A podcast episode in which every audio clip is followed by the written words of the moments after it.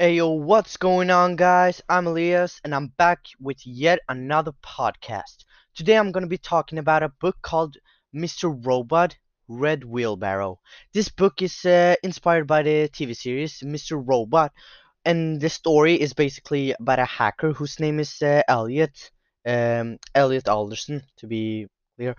Elliot is a very brilliant and introverted young programmer who works as a cybersecurity engineer in a cybersecurity company by day and is a vigilante hacker by night. So you better watch out. He also happens to be suffering from a very strange, or mm, it's not strange, but it's a condition that a lot of people have, uh, and it's similar to schizophrenia, which he uh, inf- ineffectually tries to keep under control by regularly taking both legal and illegal drugs and visiting his therapist, Krista.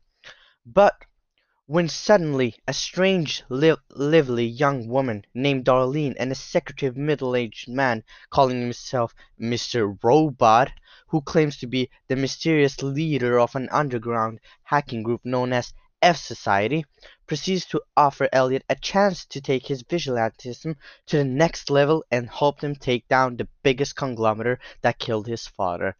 Uh, to be clear, F Society stands for uh, Fox Society. It's not a good word, but uh, yeah. Um, E Corp, the corrupt multinational finan financial company that Elliot, Elliot work, works for and likes to call Evil Corp. Um, Elliot finds himself concerned and Mr. Robot Elliot finds himself concerned. Mr. Robot, who has personal reasons for wanting to take down E-Corp, also reveals that he already has one ally, an even more mysterious secretive and highly dangerous shadowy hacking group known as only as the Dark Army.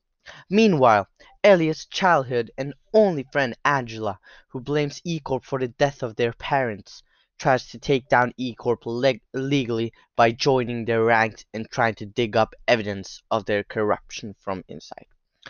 A wild card in the scheme becomes Ty- Tyrell Wellick, an unhinged psychopathic E-Corp yuppie, originally from Scandinavia, who has very an unusual relationship with his dominant and ambitious wife Joanna. After many twists and turns, Mr. Robot's plan is finally put in motion, with catastrophic unintended results. But that is just the end of the beginning of the real story.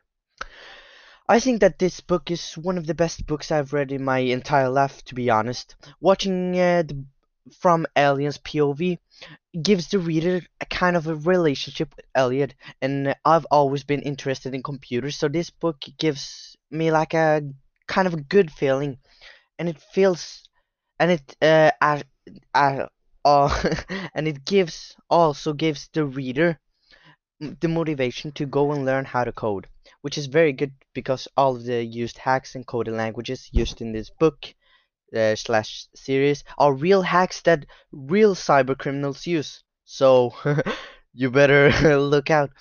I would recommend this book to people in their mid-teens to around 35 and 40 years of age who are interested in computers and will like to learn how things work.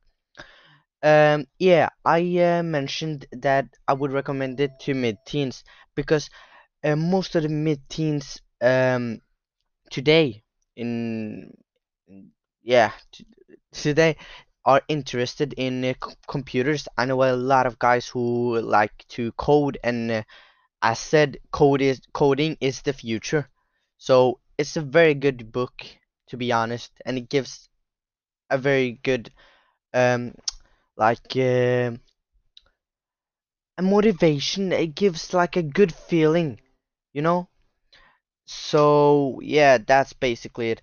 So guys, that was my podcast about Mr. Robot, an excellent book. I think I'll go and watch the entire series again. So I'll catch you later, guys. Peace.